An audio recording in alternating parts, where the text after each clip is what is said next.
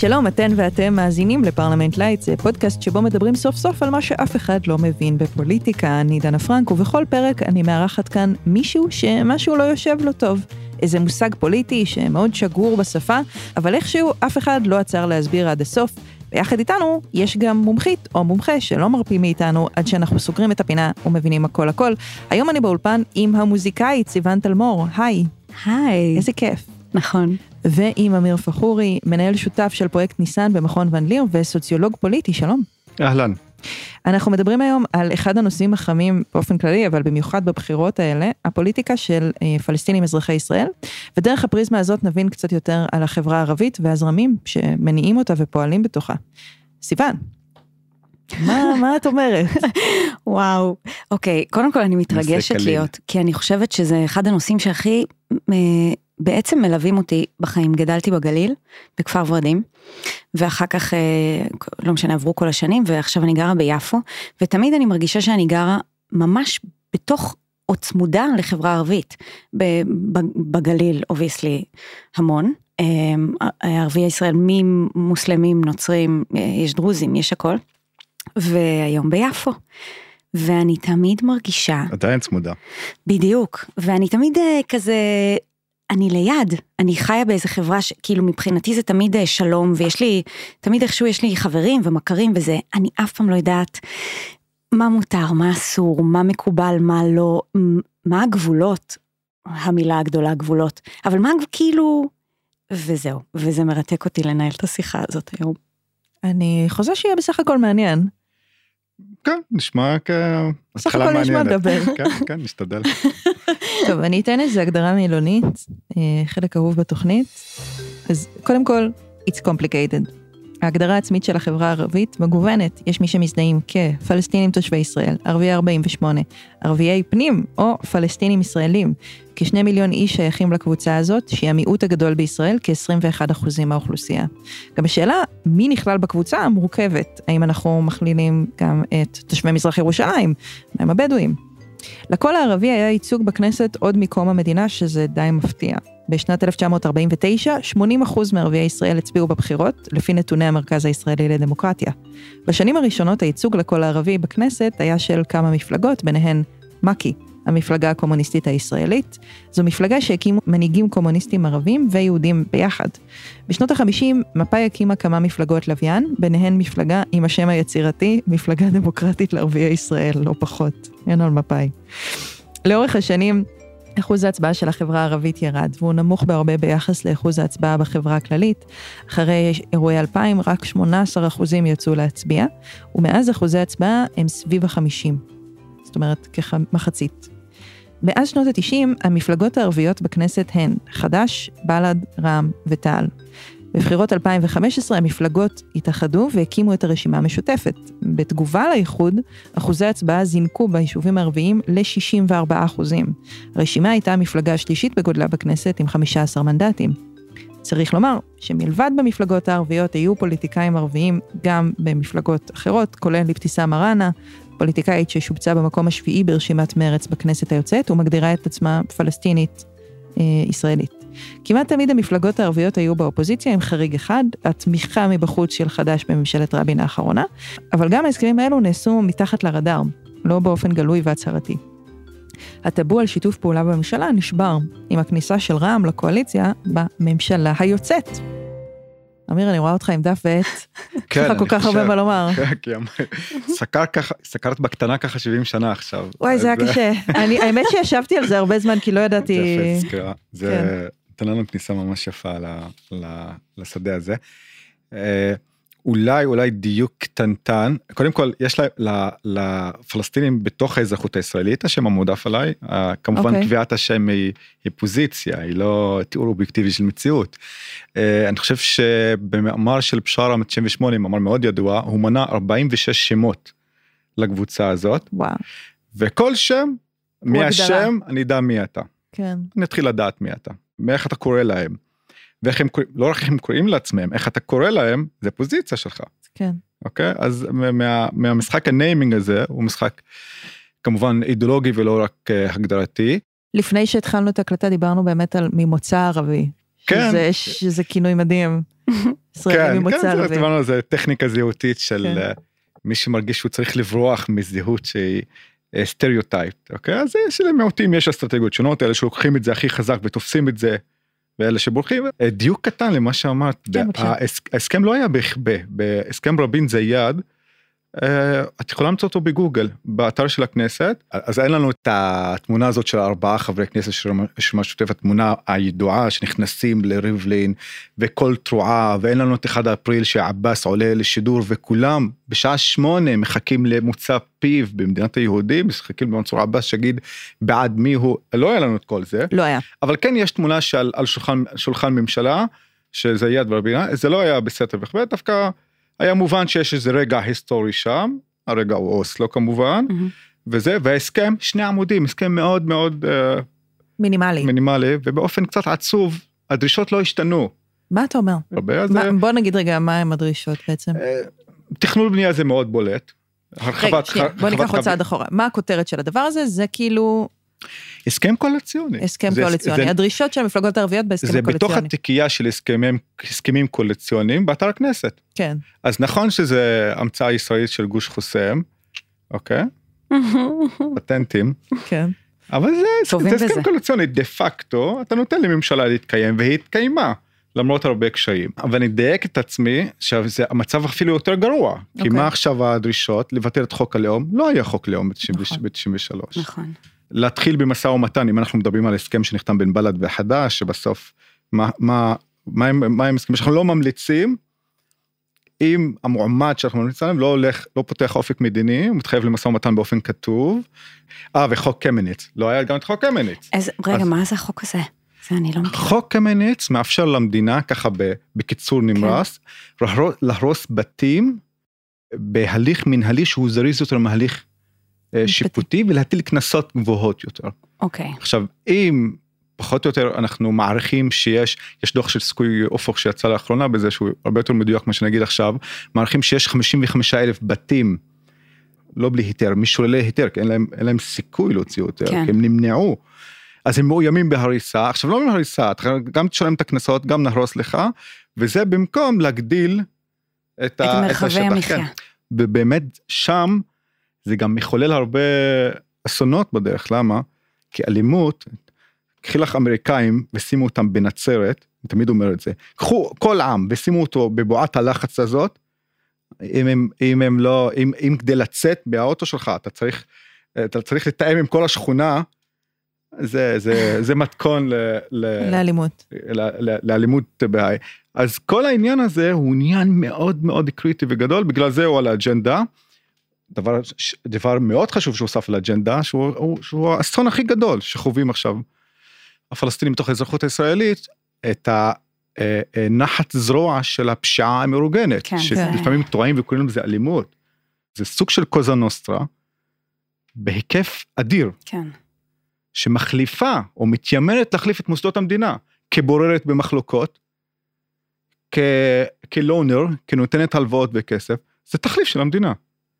אוקיי? ושמנצלת את המצב הכלכלי הקשה מאוד, אתם יודעים ש-2% מהערבים הם רק נוטלי משכנתאות, ואין תזרים כספים, אז מנצלים את המצב הכלכלי כדי להחליף את מוסדות המדינה וכדי לאכוף בכוח הזרוע, אף אחד לא מחכה לפסק דין של בית משפט שככה, הם אוכפים את זה, אז כשהם מבינים את זה, מבינים שזה זה פשיעה מאורגנת שבאמת בהיקפים שמישהו צריך לבדוק איך אפשרנו להגיע לנקודה הזאת, כי זה מערכתי ומושרש וצריך לעשות הכל כדי, כדי לעקור את זה.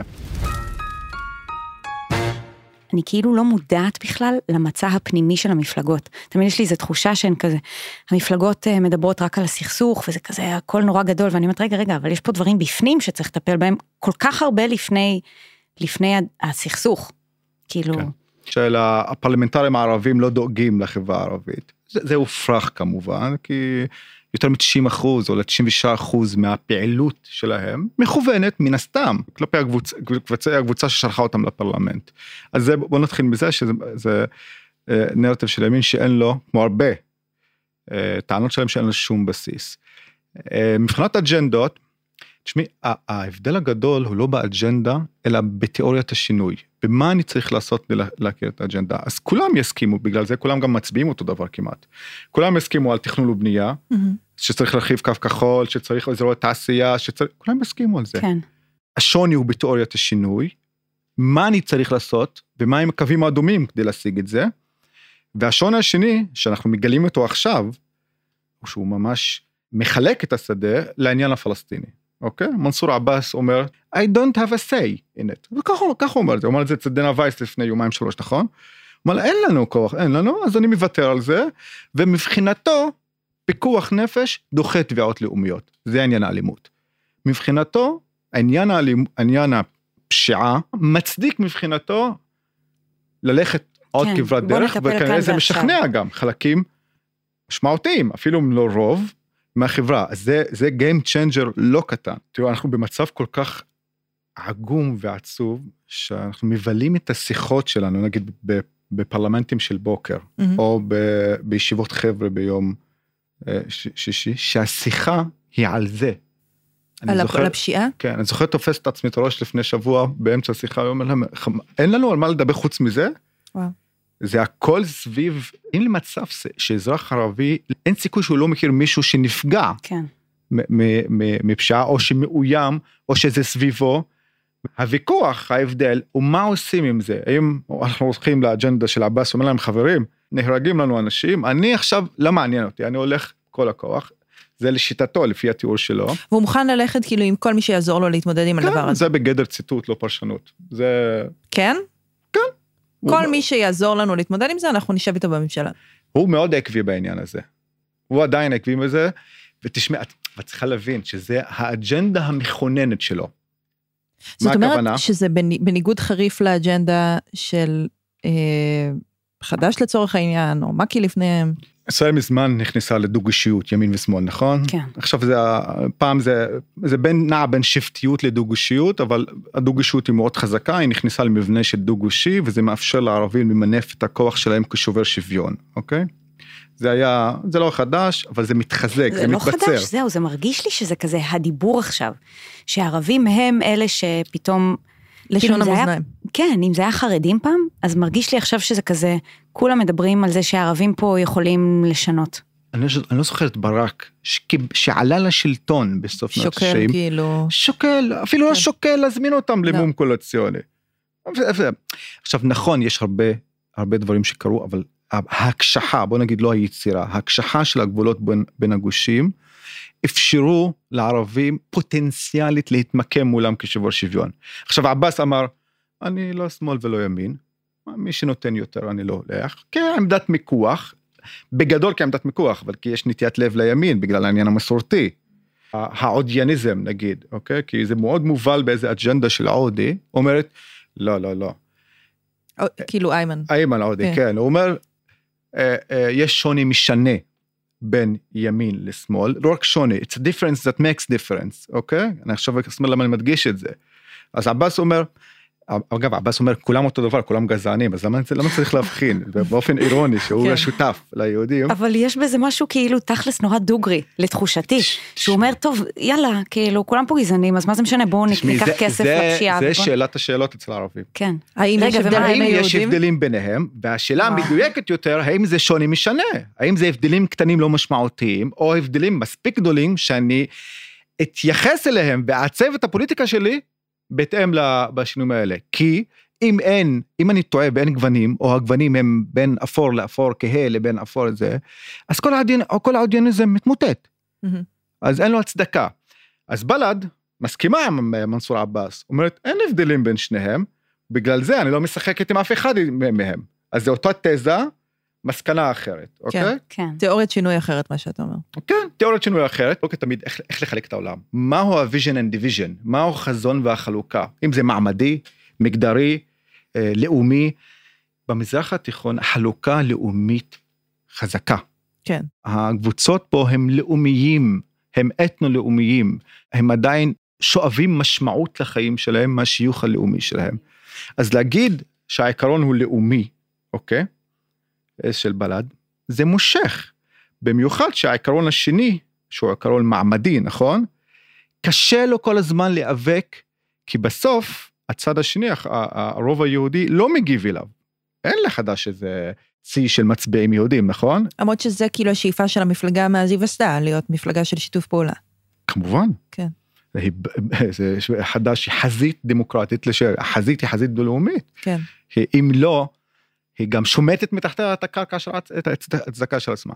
אז זה, זה בתשובה שבסוף לא הייתה קצרה. אני לא, חייבת לשאול כן. שאלה ממש, שממש מעניינת אותי, אז למה בעצם באמת הדרוזים, כאילו, אני הולכת אחורה רגע, הם גם היו פה, הם גם אה, ערביי ישראל.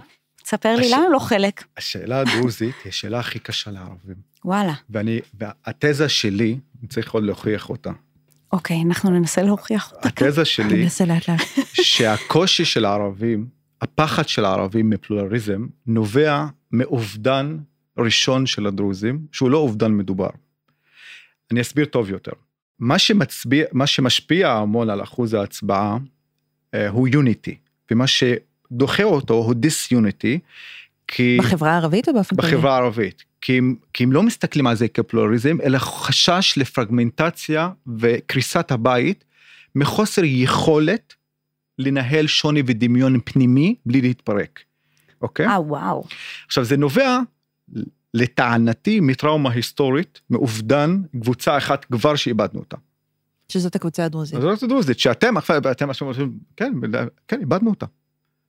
הקבוצה הדרוזית, ברור, הייתה קבוצה פלסטינית, הם ערבים, זהו, זה הם, מה ש... הם היו פה בגלל אירועים שאני, אין, אין, זה לא לפודקאסט הזה, בגלל אירועים מסוימים משנות ה-30, אוקיי?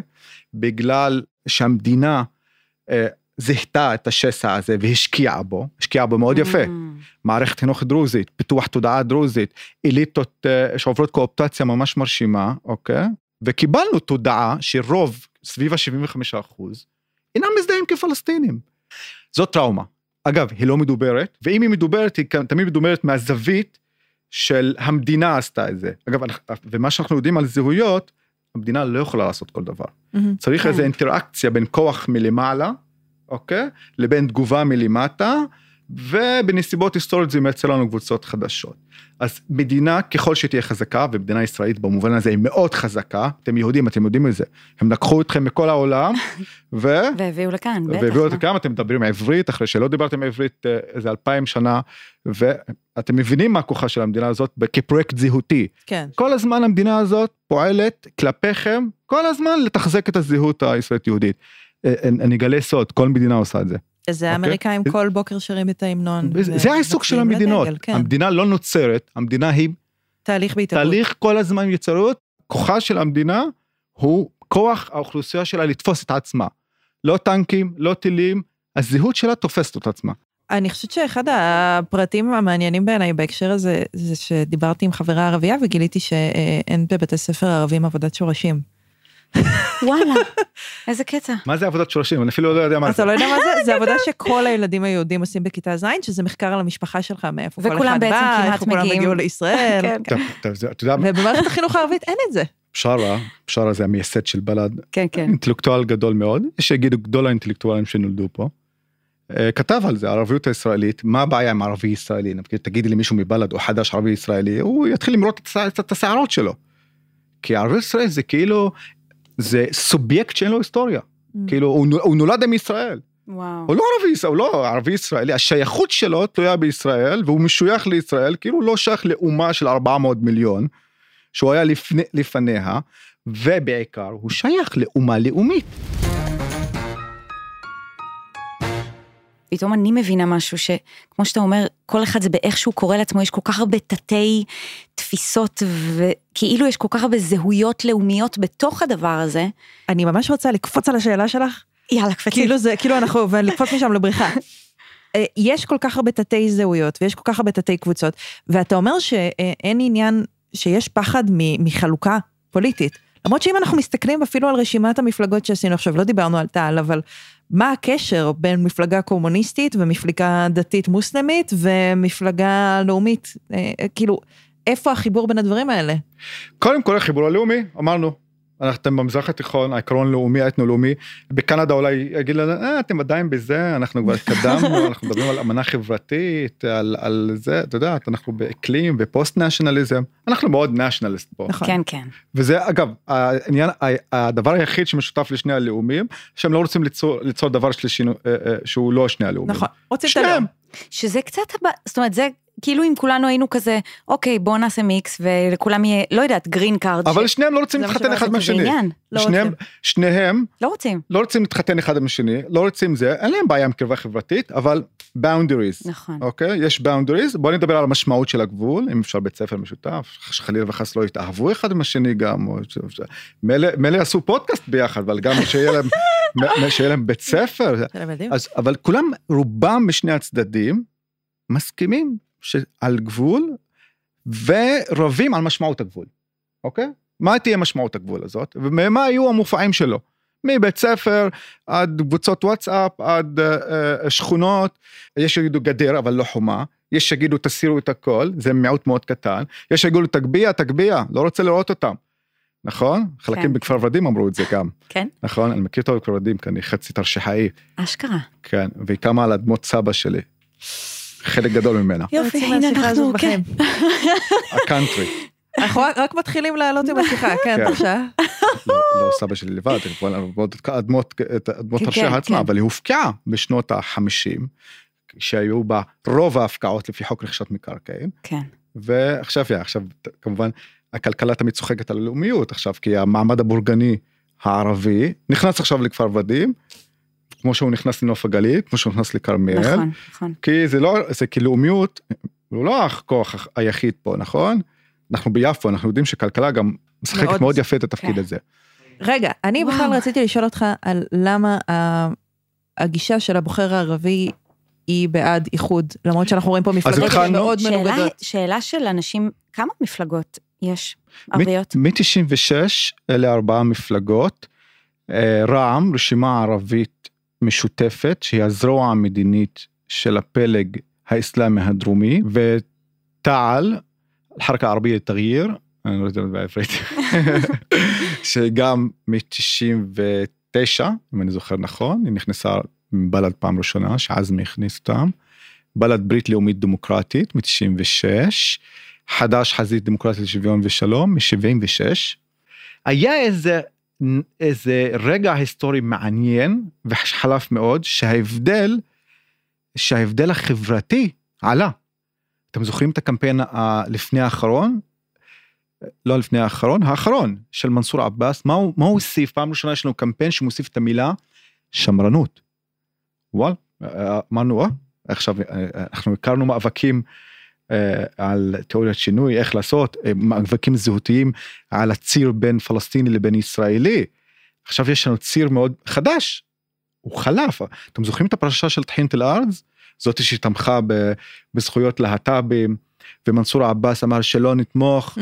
והוא 아, התפצל. אה, משהו עם ה... כן, עם הטחינט, נכון. והוא הצדיק את ההתפצלות שלו, או חלק גדול מההצדקה הזאת, אמר שלא, לא, לא, לא, אנחנו, אתם ליברלים, אנחנו שמרנים. וזה מאוד מביך לשני הצדדים, כי האוכלוסייה לא הייתה לא מורגלת לשיח לזה. הזה. אז מה, איך באמת נשמע השיח בתוך הרחוב הערבי? מקובל על כולם, וזה אכן נכון שיש אכזבה עמוקה מחוסר אחדות. כי עמים מוחלשים נוטים לאחדות, חוששים מניהול שוני פנימי, mm. חושבים לא להחזיק את כן. ההבדלים, ושנית, חושבים שזאת פריבילגיה.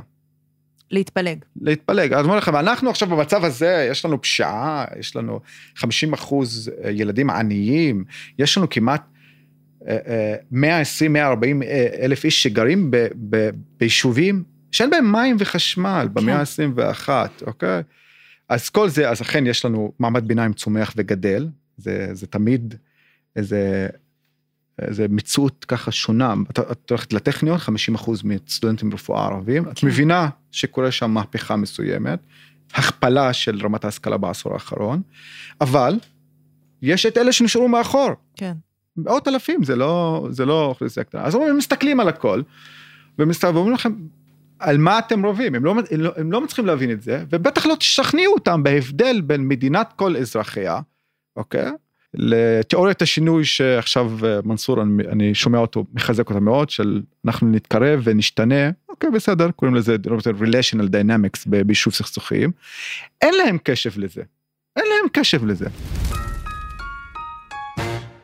אתה נתת לי איזה נתון שכמעט ולא מדברים על אה, פוליטיקה במשקי בית אה, ערבים. כן, זה נתון עכשיו של מכון ישראלי לדמוקרטיה מ-2017 או 2018, לפיו 8% מהערבים מדברים פוליטיקה אה, אה, בבית שלהם, לעומת 56% מהיהודים. כן. עכשיו זה נתון עצוב מאוד, מה זה אומר? זה אומר שה, ה, שאתה לא מדבר פוליטיקה, זה אסקפיזם, נכון? זה אומר, מישהו... קודם כל נראה לי שאין לך תקווה לכלום. בדיוק. כאילו אתה אומר, בדיוק. אוקיי, זה לא באמת משנה. בדיוק, ואז אתה מתקשש, אתה מגיע לבחירות ואתה רוצה לשנע לבחירות, אבל אנשים, אבל העונה הזאת שעוסקת בפוליטיקה, הכישרון הזה הוא מורדם. כן. ואז אתה צריך לשכנע ב, לא בטענות מורכבות, כי אין שם את הסקיל הזה. הוא, הוא הורדם, אני אומר הורדם ולא ישן, בכוונה, מתוך ייאוש. אוקיי? עכשיו, אפשר להעלות אותו, אבל העלייה והירידה שבו מאפיינת הצבעה רגשית, לא פרוגרמטית רציונלית, אוקיי? שזה רגש, זה יכול לעלות ולהיכנס, ואז את מקבלת 64 אחוז הצבעה, כן. 15, ממש שיקר, שיכרון חושים קולקטיבי, אתם זוכרים את התמונה הזאת? זה היה תחושה אחרי זה? ב... כן, לגמרי. כן? תחושה של העצמה. כן. של אנשים בכפרים. כי זה כוח. אחדות, כן, אחדות זה, וזה גם כוח, וזה גם היה כוח קשור, פוליטי, ל, קשור כן. לכוח פוליטי, לא רק לייצוג 15 שצועקים מהיציע. זה היה קשור לאג'נדה של השפעה, וזה נתן איזה תחושת, אה, אה, תחושה של התעלות. כן. ואותה תחושה, אבל בהפך את מקבלת עכשיו, כי זה תלוי, כי זה, זה... למה זה אבל הדרופ הזה? מין מאני דיפרסיביות כזה. שוב, כי ההצבעה היא רגשית, לא רק אצל הערבים, הצבעה היא רגשית כן, בהרבה כן, מקומות. אצל כולם, ברור. אבל שאלה עד כמה היא רגשית ועד כמה היא רציונלית יותר, ממה היא נובעת, מתחושת אחריות, או מתחושת שאתה רוצה, יש, יש, אם ניכנס לחקר דפוסי הצבעה, זה מאמר שלי שהופיע מחר בארץ עכשיו, yeah, אה, עכשיו שלחו לי. איזה אפשר, ספוילר. כן, אז, אז אפשר, אפשר לדבר על זה, אה, אבל כן יש כאן הצבעה רגשית מאוד חזקה, וכן היא נובעת מזה שהסקיל הפוליטי של הפלסטיני הממוצע בישראל, הוא, הורדם כסוג של אסקפיזם מהתסכול הזה, המקום הזה מתסכל, המדינה הזאת די מתסכלת, נכון? אז זה כאילו מין תפיסה כזאת של כאילו לך תדאג לעצמך. הלך תדאג לעצמך, אנחנו מכירים את זה בהרבה מקומות.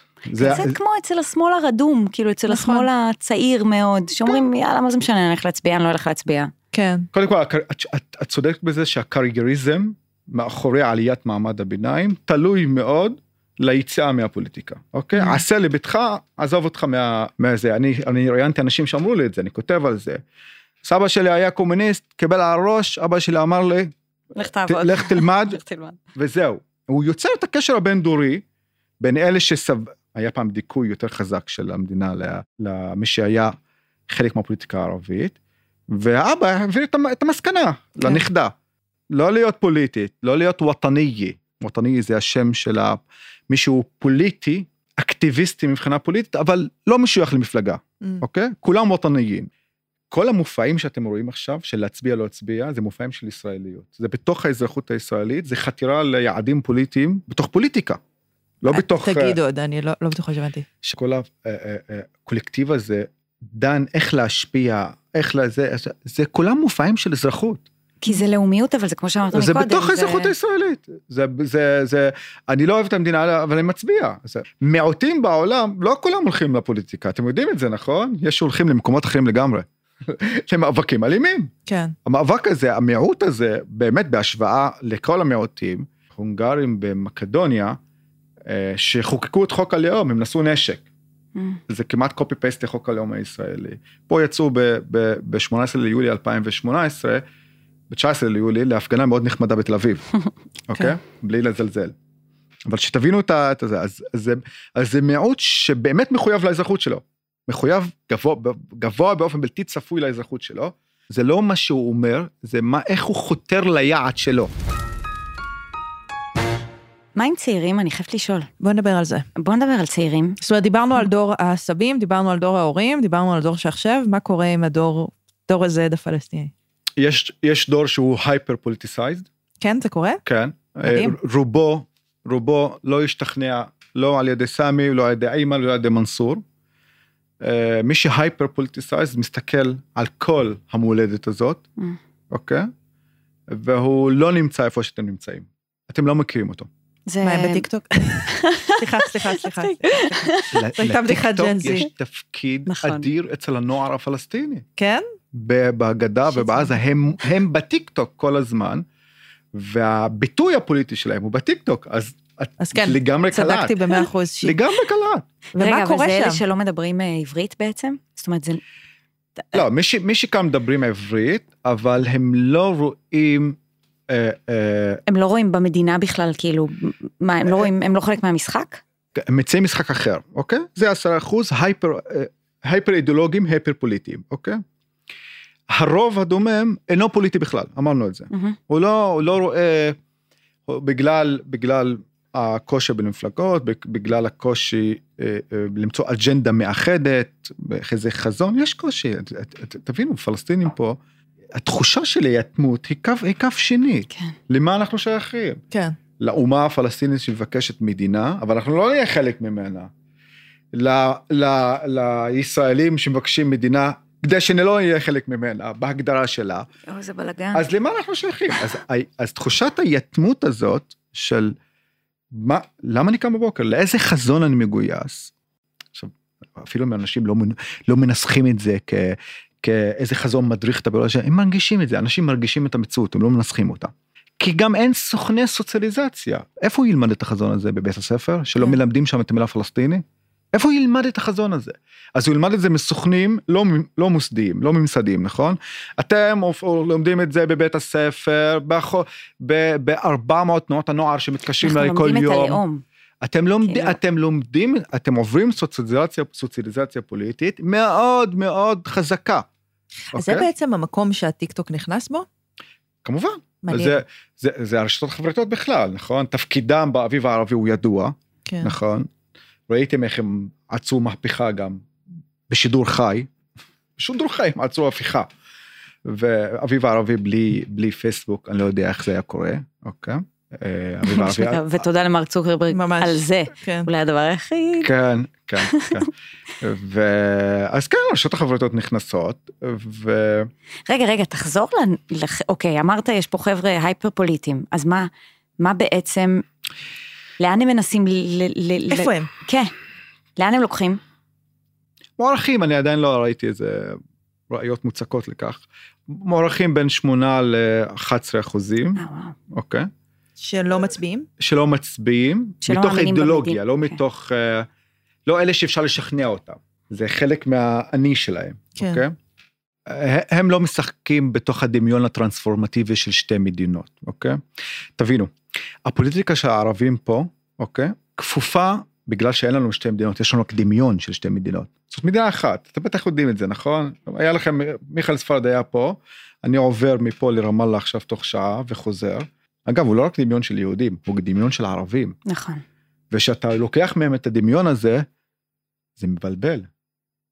כי כל הפוליטיקה שלהם גדלה בתוך הדמיון של שתי המדינות. אחד הסלוגנים שהיו במאי 2021, רגע מכונן, אנחנו תמיד אוהבים את הרגעים המכוננים. כן, כי- אנחנו נעשה היום את כל ההיסטוריה. כן, כן, כן. את התחלתם 70 שנה, לא, מה אני אני. אעשה, מה אני אעשה? אין אין את שסקרת מנוס. 70 שנה. אני גם ידעתי שאנחנו. ניקח נושא קטן ואנחנו רק נגדל ממנו. אז בעצם אתה מדבר על המלחמה. לא, אני מדבר על אה, לא, האלימות הבין קהילתית שהייתה במאי 2021 כאן. אוקיי, כן, על זה דיברתי. אוקיי. בתוך המדינה. ובה הופיע הסלוגן מאוד מאוד מעניין, בשלב כלשהו, שבה, שבה ביקשו בכל פלסטין ההיסטורית אה, שביתה. עכשיו, מה... מי ביקש? חושב שזו הייתה ועדת המעקב תחת הסלוגן עם מולדת אחת, עם אחד, סבל אחד. אבל להגיד סבל אחד, עם אחד, מולדת אחת זה לא... זאת אומרת זה לא... לא, לא עם אחד הוא העם הפלסטיני, הוא לא העם כן. הישראלי. אה, אני חשבתי שאתה דיברת, לא, כן. תראה, סביב הקורונה הרי, כן. היה כן. איזה משהו כזה נורא גדול של אה, עם אחד, סבל אחד, כן, כן, מולדת אחת. נכון, זה, זה מה שנקרא כולנו נר, חולים נרטיב, התלות הדדית כן, הישראלי. כן, כי, כי זה, תשמעו, המציאות היא בופה. זה קלאסי. היא בופה, כן? זה, עם אחד מולדת. אחת, ועדת המעקב העליונה, כן, שמה את אומרת הס- בוא נעשה שמה את, שביתה. את הסלוגן הזה, והטענה שלי שהפוליטיקה של הפרלמנטרים הערבים, המפלגות הערבים, היא בהכרח פוליטיקה שפועלת תחת דמיון של שתי מדינות. מעברי, טרנספורמטיבי, תבחרו איזה מילה, של שתי מדינות. ואם אתה לוקח אותה, גם היהודים וגם הפלסטינים לא יודעים מה לעשות. כי מורגלים לחשוב שאנחנו נהיה כאן ושם, וצריך גבול. ה- הימין העמוק, יש שחקנים, בואו לא נשכח שהם לא שחקנים לא משמעות, בלתי משמעותיים, שאומרים, לא יהיו שתי מדינות, תהיה כאן מדינה אחת. בצד היהודי, מי שמבקש מדינה אחת מבקש במילים יפות כאלה ופחות יפות, היררכיה בינלאומיים, יש שיקראו לזה אפרטהייד, יש שאוהבים שלא קוראים לזה ככה, לא בגלל התיאור, בגלל המשמעות הרגשית, ובצד הפלסטיני דווקא מי שמבקש מדינה אחת, אה, הוא... מדבר על מדינה שוויונית. שוויונית. זה הוא מדבר שוויונית. שפה, נגיד, Mhm. שפה, כאילו גם וגם ידברו? מה התפיסה שלהם? קהילות, תפיסת המדינה אה. אה, קהילות, קהילות לאומיות, אה, תחשבי על בלגיה, אה, אין מפלגה עכשיו בכנסת שרוצה מדינה אחת, כמו, אתם יודעים את זה כמובן, כי הם לא יודעים לדמיין מדינה אחת, זה מעניין, הם לא יודעים לדמיין גם אותה. בל"ד לא מדברים על מדינה אחת? לא, בל"ד לא מדברים על מדינה אחת. מדהים. ובל"ד מה? מעניין. בל- בל"ד אומרת מדינה ישראלית. אז הם בעצם כן מדברים על מדינה אחת. הם, לא, היחידים... מדברים על מדינה ישראלית בתוך הקו הירוק. אה. אוקיי? הם מקבלים, הם מקבלים את העקרון החלוקה, לא אוהבים אותו, לא מתים עליו, לא, מקבלים. לא אומרים אותו כמו חד"ש, חד"ש מאוד קשורה כן. רגשית לעקרון החלוקה. כי היא הראשונה שהיא היא תמכה בו, נכון. כי, מה, כי היא תמכה בו, נכון? אז היא קשורה רגשית לעקרון החלוקה. בל"ד, אם, אם תעשה לה, אולי בכל זאת, אולי בכל זאת, תלך למדינה אחת, אוקיי? היא לא, היא לא מחוברת רגשית, מבחינתה זה בעולם הפרגמטי, לא, לא המוסרי, הזה. לא, לא, אין חיבור רגשי לפתרון של שתי מדינות, זה האג'נדה שלה, ככה המצע שלה, אפילו אם מי שמזוהה אותה אומר, אין סיכוי לשתי מדינות, דברו על מדינה אחת. אני חייבת אה, שנעבור לכמה נושאים שאני נורא רציתי לדבר עליהם, כי זמננו פשוט אה, הולך ואוזל ואני בסטרס עמוק. יש כל כך הרבה שרציתי שנדבר עליו. דמיון ושוני בין אה, הפוליטיקה של מנסור עבאס לפוליטיקה החרדית. שיש בזה משהו נורא עצוב, כאילו יש איזו תפיסה של אני אדאג לשבט שלי, שזה תפיסה, ממש התפיסה החרדית, זה גם קבוצה תפיסה בגודל דומה. ישראלית כבר, לא רק חרדית. זה, כן, זה שהשבט הלבן לא חושב שהוא שבט לבן, נכון, זה לא אומר שהוא לא שבט. נכון. הדמיון הוא ברור, כמובן, פוליטיקה שבאה ממקום שמרני, אה, מבחינת יחסי מגדרים, מבחינת אה, המרכזיות של התא המשפחתי, כאבא ואימא. אוי ואבוי אם תגיד ל... ל- אבא ואבא. אבא ואבא. ש- זה הדמיון והשוני. השוני, ניקח לאחרונה דוגמה, מרב מיכאלי רוצה רכבת בשבת. מה אומרים לחרדים? אל. תחלמי על זה. כן. מנסור עבאס לא יגיד לך, לא יהיו לו תביעות כלפי הממלכה. התביעות שלו מסתיימות בגבולות השבט שלו. אבל גם חרדים דרעי לא רק דאג. דואגים לשבט שלהם, הם דואגים, נכון, לא נכון, דואגים, יש נכון, להם, לא, זה לא עניין של דאגה, יש להם תביעות כלפי הממל- הממלכה, נכון, אוקיי? נכון. אין, לא יהיה אוטובוס בשבת, אתם לא תכניסו אה, לחם בפסח, אני, אני אומר נכון? כן, נכון? כן. זה מה שאתם אוכלים כן, שם. אני רק- אני- אני רק אומר את זה בביטחון. כן. עכשיו זה המחלוקת שלו בבין- בינו לבין איימן, מה איימן אומר על זה? חביבי, זה לא אזרחות, זה נתינות. Mm. כי אין לך תביעה כלפי, אני, אני מעניין אותי בית משפט העליון, מי יישב בבית משפט העליון, אני מעניין אותי מי יש בממלכה, אני בן המקום. אוקיי? כאילו, אני חלק מהדבר הגדול. כן, בדיוק. כן. שזה בדיוק, ממש אני מעניין אותי. מהותי כאילו עכשיו הוא בפוליטיקה של נתפס כלא. שותף, כן. כי הוא מעניין אותו מה קורה לכם, מה קורה במקום הזה, איזה קטע. ומנסור עבאס, אה, שאומר, היהודים כולם גרועים, אגב זה ציטוט זה לא פרשנות, הוא אומר כולם אותו דבר, מה זה בני גנץ, זה, מה זה, כולם אותו דבר, מה אתם, מה, מה, כולם גרועים, אני ואני אקח מה אני שאני יכול.